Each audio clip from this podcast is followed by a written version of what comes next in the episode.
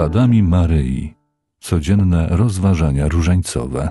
Prezentuje ksiądz Damian Gadamer.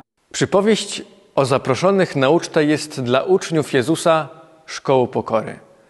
Potrzeba jest pokory, żeby usiąść na swoim miejscu. Zajęcie innego miejsca jest zwykłą uzurpacją. Jezus w tej dzisiejszej Ewangelii mówi nam, że zaszczyty spotykają tylko tego, kto jest pokorny, a nie pysznych, bo ci już swoją nagrodę otrzymali. Scena ofiarowania Pana Jezusa też pokazuje nam ogromną pokorę świętej rodziny. Maryja musiała poddać się przepisom prawa, które były przewidziane po urodzeniu dziecka.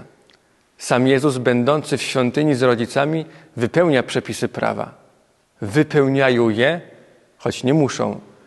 Maryja zrodziła Jezusa w sposób czysty, dlatego nie musi poddawać się tym przepisom. Wypełniają, choć nie muszą. W scenie ofiarowania Maryja uczy nas zatem pokory, cnoty, w której sobie Pan bardzo upodobał. Maryjo, naucz nas żyć pokorą w naszej codzienności.